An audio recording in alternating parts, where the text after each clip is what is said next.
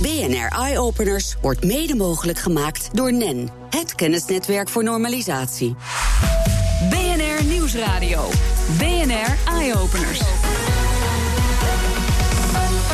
Meindert Schut. Windmolenparken, we zien ze ook rond Nederland steeds vaker uit de zee verrijzen. Hartstikke duurzaam natuurlijk, die groene stroom. Maar de installatie van die windmolens die is dan weer niet zo duurzaam. Maar daar komt verandering in, er is iets op bedacht. Welkom Ben, ben Arns en Nick Noordam van GBM Works.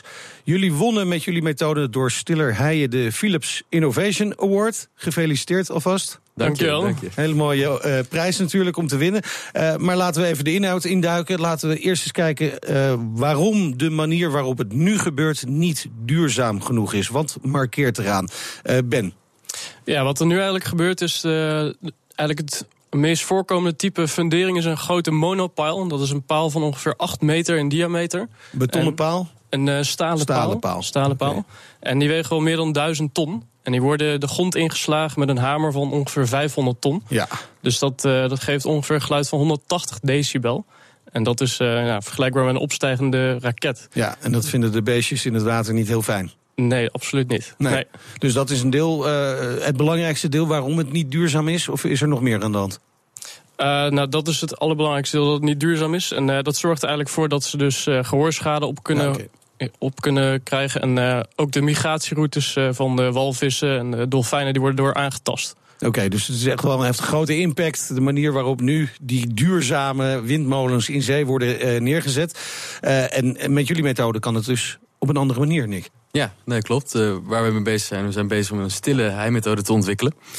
Uh, in plaats van een hamer te gebruiken hebben wij een machine bedacht die onderaan de fundering zit en die als het ware de grond weggraaft. En zo kan de paal stil naar beneden. Oké. Okay. En door het Energiecentrum Nederland is ook nog uitgerekend dat dit ook nog eens een keer sneller kan dan de huidige methodes. Ongeveer 20% sneller.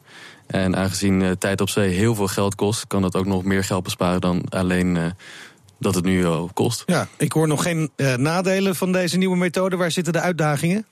Uh, nou, de uitdaging zit eigenlijk nog in het ontwikkeltraject. Dus we staan nog redelijk in het begin. En komende zomer gaan we dus testen doen om, uh, om het eerste bewijs te leveren dat onze methode ook echt goed werkt. En een andere uitdaging is het feit dat een paal ook goed in de grond moet staan. Dus de draagcapaciteit moet goed zijn. Niet alleen naar beneden om het gewicht te dragen, maar ook lateraal. Dus uh, hij moet niet vanaf te de zijkant. Vanaf de zijkant. Dus omdat er heel veel wind tegenaan komt, moet hij niet oh, ja. veel heen en weer gaan bewegen. Nee. Uh, dus om dat te bewijzen dat hij goed in de grond staat, dat is ook een, uh, een goede uitdaging. Ja, en met, ja. met de oude methode, uh, daarmee is dat bewezen dat dat werkt. En ja. met jullie methode nog niet? Nee, klopt. Maar ja, we, we, er wordt al er worden honderd jaar wordt er, worden er palen de grond in Ja, precies. Dus er is zeer bekende ervaring mee in Nederland. Ja, ja. ja, ja. Maar, maar uh, dat, dat is toch eigenlijk gek dat er nooit een nieuwe methode op is bedacht. Maar nou ja, goed, die is er dan nu. Maar uh, hoe, hoe gaan jullie testen? Waar gaat het getest worden? Ja, nou, um, we zijn nu bezig met het, uh, het ontwerp finaliseren van ons volgende prototype. En dat wordt een 5 meter lange paal. Okay. Ongeveer 20 centimeter diameter, dus nog een veel kleinere schaal. Ja. En die gaan we op de Tweede Maasvlakte in uh, Rotterdam, gaan we die uh, heel veel keer de grond in boren. Ja, boren, graven, dat is eigenlijk ja. de nieuwe methode. En, en een van de uitdagingen, zei je al, Ben, is dat we dus moeten bekijken of die inderdaad wel stevig blijft staan. Ja. Hebben jullie daar zelf überhaupt nog twijfel over? Uh, nou, totdat we het in de praktijk hebben getest, weten we natuurlijk nooit zeker. Nee. Um, en ja. dat is met name voor de opdrachtgevers natuurlijk heel belangrijk. Ja, die ja, worden klopt. daarop uh, afgerekend of dat die wel of niet goed de grond in, uh, ja. in staat. En, en of ze deze methode gaan gebruiken. Zeker. Hoe, hoe is de belangstelling? Ja, de belangstelling is best goed. We hebben een gesprek gehad met ongeveer Boskalis, uh, GOC uh, en Jan de Nul. Uh, en die hebben allemaal aangegeven dat ze heel erg graag komen kijken bij onze ja, test. En ja. uh, contact houden over. Er is nog geen geweest die heeft gezegd, nou, dit ga ik gelijk doen. Nee, helaas nog niet. Helaas nog niet. Maar goed, zo'n test kan dan natuurlijk wel uh, enorm veel uh, opleveren. Je, je zei net, uh, tijd kost heel veel geld op zee. Ja. Um, je zei, deze methode kan sneller, dus kan ook geld opleveren. Zeker. Dat. En ja, dus zoals Ben al aangaf, het geluid is een heel groot probleem. En dat is ook erkend door verschillende overheden. Ja. En die hebben dus reguleringen in, in werking gesteld dat het geluid gedempt moet worden. En er zijn technieken voor bedacht. Hoe doen ze dat nu dan? Uh, onder meer bijvoorbeeld een bubbelscherm. En dan leggen ze een buis op de bodem van de, de oceaan. En dan met heel veel compressoren pompen ze perslucht naar beneden. En dan krijg je bubbels. En dat, dat zorgt voor dat het geluid verminderd wordt okay. naar ongeveer Die bubbels nemen dat geluid op? Ja, nou, dat soort, soort wand waar tegen oh, weerkaatst. ja, oké. Op zo'n manier. Ja. Ja. En dan kan je het geluid wel verminderen tot ongeveer 160 decibel. is nog steeds alsof je naast een opstijgende straaljager staat. Maar dat is net genoeg voor de reguleringen. Oké. En bijvoorbeeld alleen zo'n bulbescherm kost al 300.000 euro per windturbine. Dan, dan heb je een hele lange terugverdientijd voor zo'n windturbine. Ja, dat, eh, dat is een, veel een van de langer redenen dat eh, wind van eh, offshore windturbines Wat, zo duur hoeveel decibel komt er bij jullie methode nou vrij? Nul. nou, dat zou nagenoeg nul moeten zijn. Echt, oké. Ja, Ja. eigenlijk alle, alle activiteit gebeurt eh, beneden de, de zeebodem. Dus niet in het water. Dus er komen eigenlijk ook bijna geen trillingen vrij eh, in de zee. Nee. En hebben jullie onderzocht of er eventueel wel andere nadelen zijn van jullie methode voor het milieu? Nou, voor het milieu eigenlijk niet. We gebruiken geen chemicaliën of Nee. rare stoffen. Ehm, en dus nauwelijks geluid. Dus nee, geen, eh, geen nadelen. Nee, nou, zien. eh, super spannend. En eh, de markt is eh, natuurlijk aan het groeien eh, voor, voor deze eh, windmolens op zee onder andere. Eh, eh, zien jullie nog andere eh, mogelijke eh, toepassingen voor deze methode? Mhm. Ja, nou, het gaat sowieso een heel lang traject worden voordat we überhaupt windmolens op zee kunnen plaatsen. Ook omdat die ook steeds groter worden. Ja, ja. Dus waar we volgend jaar willen doen is een paal van 30 meter lang en 1 en 2 meter diameter. Dat is al het formaat van bijvoorbeeld een aanmeerpaal in de haven. Ja. En dat zou ook gebruikt kunnen worden voor eh combiwanden, een soort type damwand. Oké. Dus daar voor de aanleg van bijvoorbeeld nieuwe havens zouden we ook al dingen kunnen doen. Oké, maar uiteindelijk is die grote windmolens op zee eh, te gaan neerzetten en dan gebruik te maken van jullie methode. Jullie hebben de Philips Innovation Award gewonnen. Dat is Ja. in ieder geval een hele mooie stap natuurlijk. Wat, wat betekent die prijs voor jullie, denk je? Eh, nou, ten eerste echt enorm veel eh, nou, aandacht. zoals eh, Zoals vandaag. zoals vandaag. Ja. Hoewel wij het niet wisten toen we jullie uitnodigden dat, dat jullie die prijs zouden winnen. Maar Ja, desondanks. Ja, en het is natuurlijk een mooie, mooie prijs qua, qua geld om te hebben. Dus een lekker, lekker extraatje.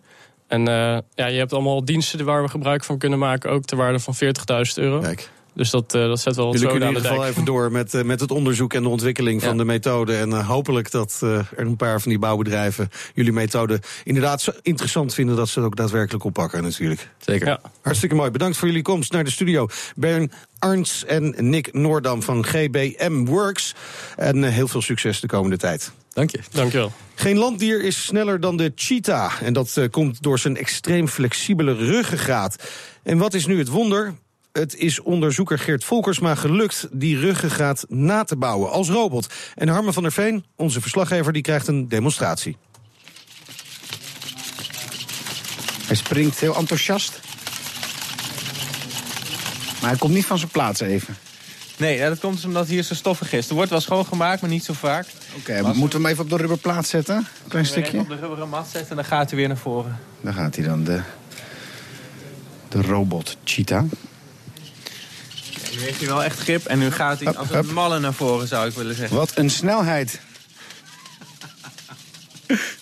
Niet Oh. bij te houden. Mag ik wel eerlijk zeggen dat... ehm, ik kwam hier en ik had een, toch een ander beeld van, eh, van uw cheetah.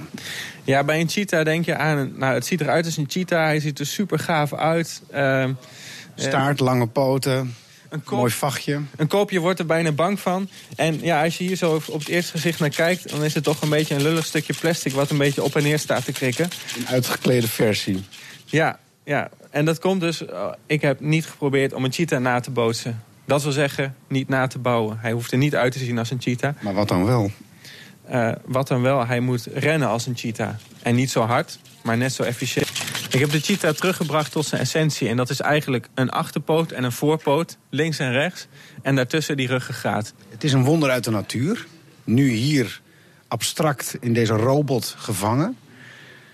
Eh, je bent op gepromoveerd, gefeliciteerd. Wat kunnen we hiermee?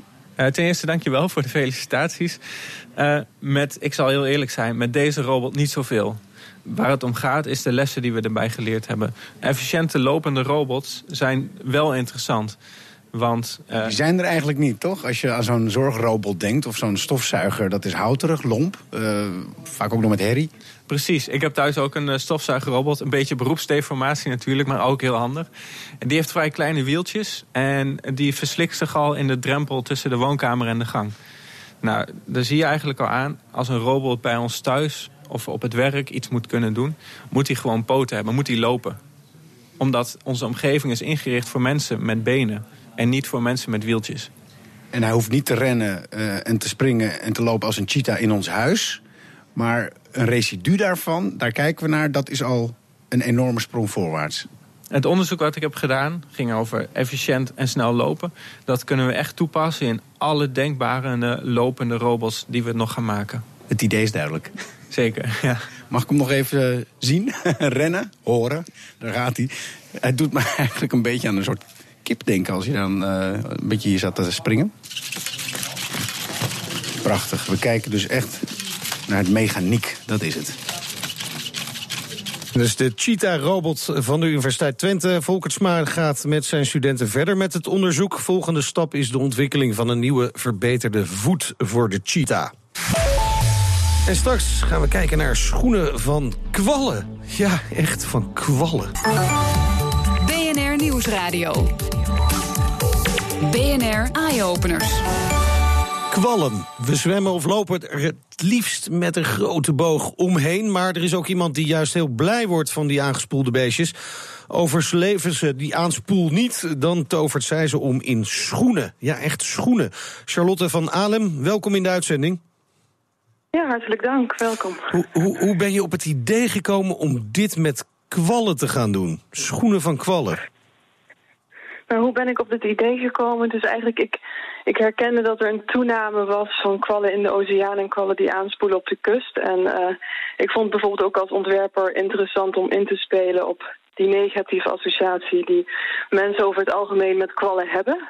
En ik wist dat ze uit collageen bestaan. Dat is een hoogwaardige grondstof, waar doorgaans leerachtige materialen van worden gemaakt. En daar is het eigenlijk bij ontstaan. Kijk aan, ja, wat is, ik, eh, ik, ik dacht al, het zal niet zo zijn geweest dat je erin stapte en dacht: Goh, wat zit dit lekker. Ik ga hier echt een schoen van maken. Nee. nee. er is wel wat eh, aan vooraf gegaan. Ja. ja. je zei al, er zit collageen in. Is, is dat wat een kwal interessant en geschikt maakt om daar schoenen van te maken? Ja, dat klopt. Uh, collageen is eigenlijk uh, ja, het proteïne, de bouwsteen... Waar, waar je sterk materiaal van kan maken... en waar ook onze huid uit is opgebouwd. En dat kan je conserveren. En dan kan je er een soort van leer van maken. Hoeveel kwallen heb je nodig voor een schoen? Voor een schoen, voor de waterschoen die is gemaakt, daar zitten ongeveer, schat ik, tien kwallen. Het zijn vaak kleine stukjes. Het materiaal is ook vaak heel fragiel. Als de kwal, als er nog zoveel vocht in zit. En uh, ja, ik restaureer dat dan en pers dat samen en conserveer dat.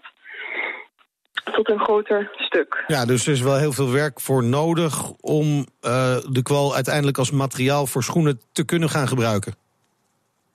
Ja, dat klopt. Het proces is nu nog vrij arbeidsintensief, omdat ik het allemaal alleen doe. En uh, er geen machines uh, bij te pas komen. En kun je ons even meenemen in dat proces? Hoe begint dat? Je vindt kwallen op het strand, die neem je mee. En dan? Wat ga je dan doen? Ja, dus het is eerst heel belangrijk dat, want ze vergaan heel snel als, het, als de zon schijnt op het strand. En dus het is eerst heel belangrijk dat je, dat je ze conserveert. En dat, dat doe je eerst met met zout. Eigenlijk ook hoe je bijvoorbeeld vis zou conserveren. Ja. Um, en daarna ga je het proces in van... Nou, en dat, er zijn zoveel verschillende behandelswijzen, maar al de proefjes die ik heb gedaan, uh, dat is voornamelijk looien op natuurlijke wijze natuurlijk. En met allerlei additieven, voor ook veel kennis dat ik tijdens mijn stage heb opgedaan. Uh, met met uh, kunstobjecten, het restaureren van kunstobjecten. Dat kan ik ook toepassen. Dus Oké, okay, het is een kwestie van ze op tijd uh, van het strand afhalen... ze snel conserveren en dan behandelen dus. Is er nog een bepaald moment ja. op de dag dat, uh, dat je er moet zijn voor die kwallen? nee, dat, okay. want de kwallen zijn afhankelijk van de stroming. Ja, dus precies. niet... Ja. Nou, dus de vraag natuurlijk, uh, blijft dit uh, een beetje een kunstobject, een, een bijzonder project? Of zie je in de toekomst ook echt schoenen gemaakt van kwallen in de winkel liggen? Ja, dat vind ik wel een heel mooi uitgangspunt, maar voordat dat zover is, uh, ja, dan zou er eerst moeten, gekeken moeten worden van hoe kan dit proces efficiënter. Ja.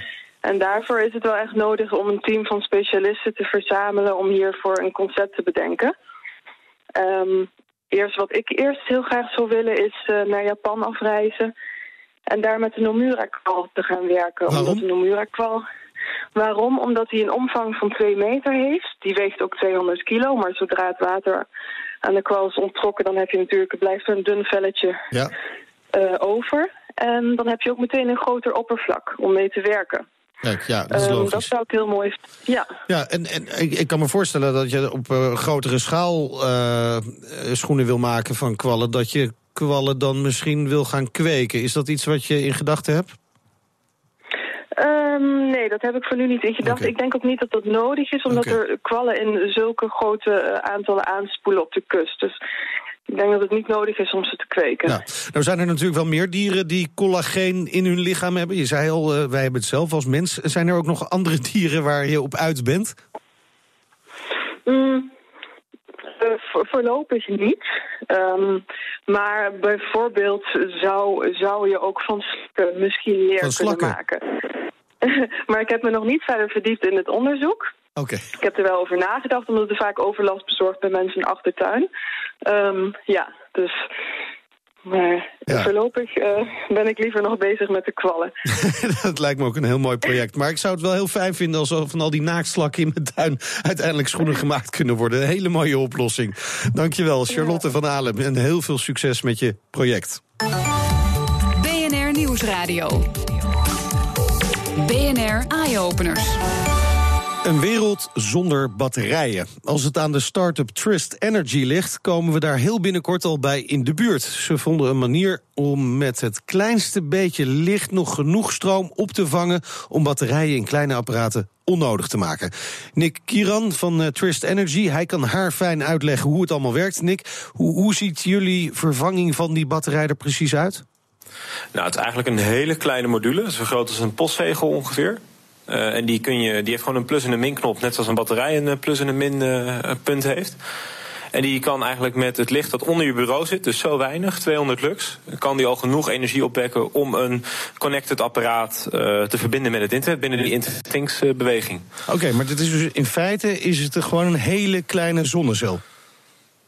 Eigenlijk wel, ja. Het is, het is, uh, ja. We noemen het zelf light energy, omdat het zo efficiënt is dat het zelfs met licht werkt. Dus eigenlijk echt zon heb je niet meer nodig. Oké, en dat kan eigenlijk uh, bijna alle apparaten van energie voorzien? Ja, alle Internet of Things apparaten zeggen we zelf. Kijk, we snappen zelf ook wel dat er nog niet heel snel een Tesla gaat rijden op onze, onze techniek. Maar uh, heb jij een, uh, bijvoorbeeld een slimme rookmelder, of heb jij een module op een stoel zitten of in een parkeerplaats? Ja, dat soort producten kunnen allemaal prima voorzien worden van deze sensor. En die hebben dan ook nooit meer batterijen nodig. Oké, okay, maar waar kun je dan aan denken? Wat voor apparaten moet ik allemaal aan denken? Welke toepassingen zie je voor je? Nou, ik zie een smart city voor me met slimme parkeerplaatsen, die, waarbij alle parkeerplaatsen voorzien zijn van een tracker, dat je weet dat er een auto op staat. Maar ja, dat zijn natuurlijk uh, tientallen duizenden sensoren per stad die ook iedere drie jaar moeten worden vervangen. En dat is niet alleen slecht voor het milieu, dat kost natuurlijk ook nog een hoop geld. Dus die business cases worden gewoon gekild. Maar denk ook aan slimme stoelen in kantoorgebouwen, dat je weet dat er iemand op zit en dat je niet het hele gebouw op goed rond hoeft te zoeken voor een flexplek.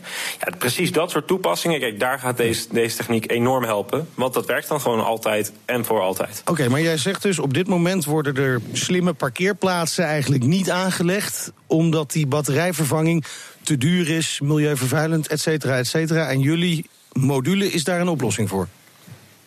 Ja, wij maken die business case eigenlijk mogelijk doordat, uh, nou, vanuit het duurzaamheidsaspect, ja, hoef ik niet uit te leggen wat, uh, wat het voordeel is. Maar ja, het, het, het, een batterij zelf is niet zo heel duur. Kijk, dat nee. is uh, afhankelijk van type batterij ergens tussen de aantal cent en 15 euro, afhankelijk welke je neemt. Vaak in die parkeermodule zitten wat, zitten wat duurdere batterijen, omdat die moet ook echt 10 jaar meegaan, omdat je dat, dat onderhoud wil uitstellen. Maar ja, dan moet je op een gegeven moment dus na. Nee, want je gaat het niet na vijf jaar. Na vijf jaar, als die vijf jaar meegaat, ga je niet na vijf jaar pas vervangen. Want je wil dat die. Ja, ja. Je wil voor zijn dat ze uitvallen. Ja, dan ga je dus onder drie jaar moet je dus iemand langsturen om al die parkeersensoren dus van een nieuwe batterij of een nieuwe module te voorzien. Ja, dat is gewoon ja, commercieel, uh, als je die business case moet optellen, of het nou een bedrijf is of een overheid of een stad, ja, dat is gewoon veel te duur. Ja, nou, dit is een hele begrijpelijke. Iets wat je inderdaad zou willen toepassen. Parkeerplaatsen met sensoren.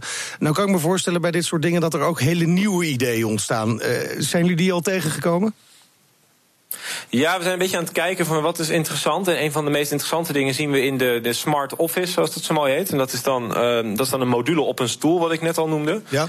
Uh, dat is echt zo'n zo'n mooi ding. Dat ik, je kan je voorstellen als jij in, uh, in een kantoorgebouw werkt met acht verdiepingen. De gemeente Rotterdam is er eentje waar echt zo'n toepassing is. En dan moet je daar binnenkomen en dan, en dan ben, je, ben je wat later. En dan zie je overal iemand zitten, maar je weet niet precies waar je collega's zitten. Je weet niet waar je zelf kan zitten. Ehm, dus dan kan je op een gegeven moment op zo'n app zien of op een scherm in het kantoorgebouw van hey, luister, die, um, die, die, die stoel daar op verdieping 4 is, is, nog vrij, die reserveer ik even. En die zit in een hokje. Dus ik wil ook gelijk dat het hokje op een bepaalde temperatuur is, zoals ik hem fijn Oh ja, dat, is, dat zijn wel hele fijne zaken. Ik kan me nog wel iets voorstellen, zeker met dat warme weer. Veel mensen buiten die eh, allerlei dingen in prullenbakken gooien. En dan zie je sommige prullenbakken zijn helemaal vol en andere zijn leeg. Dat zou je ook willen weten. En dat zou misschien ook met zo'n module kunnen. Ja, precies. Eigenlijk hetzelfde verhaal weer. Je, wil, je kan gewoon heel eenvoudig kun je meten uh, hoeveel troep er eigenlijk in een prullenbak zit. Want nu is het zo dat er dan gewoon een, ja, een velophaalauto door heel de stad heen rijdt. En dan die prullenbakken of snel vol of leeg zijn, gewoon gaan, uh, gaan bekijken of, uh, om te, ja. te, te legen. En dat hoeft natuurlijk helemaal niet. Want als je weet dat ze welke er vol zijn, dan kun je gewoon een alert sturen naar.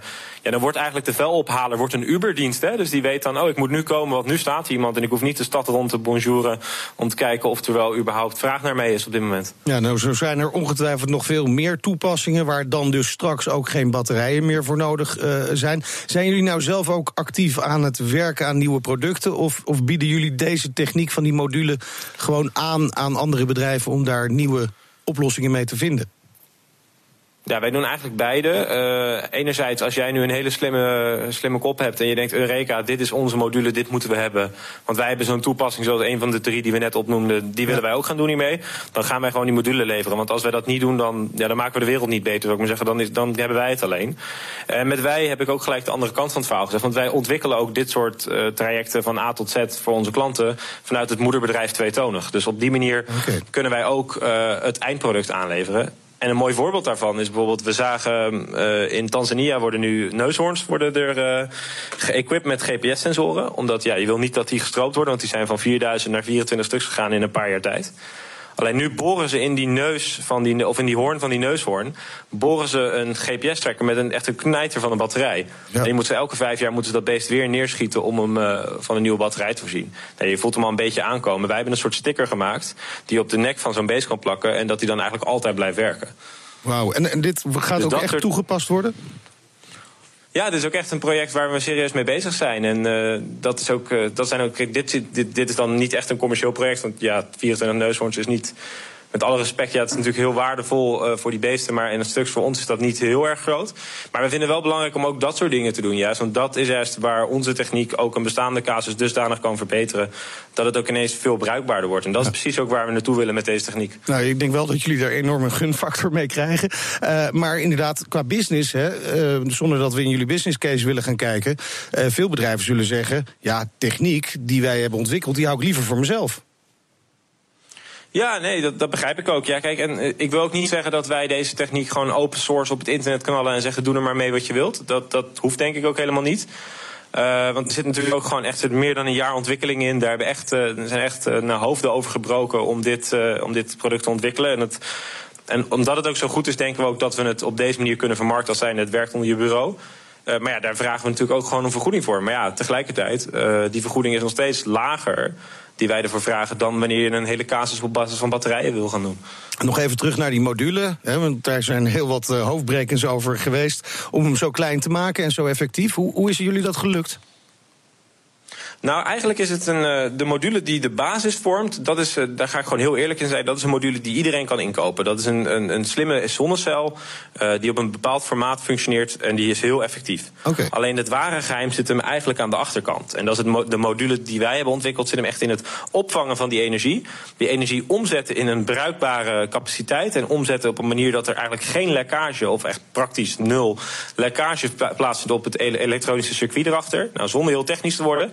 Wat dat eigenlijk betekent is, wij hebben van die techniek hebben wij een bruikbare techniek gemaakt en het omgebouwd tot een module waarmee nou, iedereen die een beetje technisch is, of iedere organisatie of iedere use case ook daadwerkelijk uh, het kan gebruiken. Dus dat, eigenlijk hebben we het bruikbaar gemaakt. Ja. En jullie dat willen hebben we hier, vooral, vooral gedaan.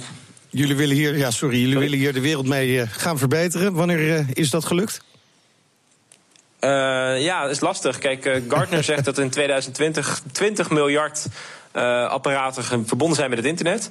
Nou, als de helft daarvan op batterijen werkt en wij kunnen daar een flink gedeelte van deze module voorzien, ik denk dat we dan al een hele grote stap hebben gemaakt. En ik denk alleen dat het nog belangrijker is, is dat we de wereld wakker maken en laten zien of eye-open vanuit, dit vanuit dit onderwerp, dat, dat we laten zien van ja, kijk, je hoeft niet altijd een batterij te gebruiken. We, gaan, we zijn op een punt gekomen dat technologie zo effectief, zo efficiënt is geworden. dat we vijf jaar met een batterij kunnen doen. Waarom zouden we dan in hemelsnaam niet naar andere oplossingen kunnen kijken? Er is een start-up die is nu bezig met uh, stroom te halen uit wifi-signalen. Nou, wij zijn nu bezig met licht. Uh, er zijn natuurlijk al tal van oplossingen. Al 30 jaar zijn we bezig met zonne-energie. We kunnen zoet en zoutwater bij elkaar laten komen. We kunnen stroom uithalen. Ja, waarom zouden we in hemelsnaam nog batterijen gebruiken? Ja, dat is slecht voor het milieu. Heel kort antwoord. Hoe lang gaat jullie module mee? Uh, nou ja, we hebben uitgerekend 75 tot 100 jaar worst case. En best case is van 300, 400 jaar. Kijk, nou daar gaan we het mee lang. doen. Dankjewel, ja. Nick Iran van uh, Trist Energy. Heel veel succes. En dat was hem voor vandaag. Meer innovaties met impact vind je op bnr.nl slash eyeopeners. Op Twitter vind je ons via BNR Innovatie. En de hele uitzending kun je natuurlijk terugluisteren als podcast via iTunes en Spotify. En je hoort ons in de toekomst. BNR Eye Openers wordt mede mogelijk gemaakt door NEN, het kennisnetwerk voor normalisatie.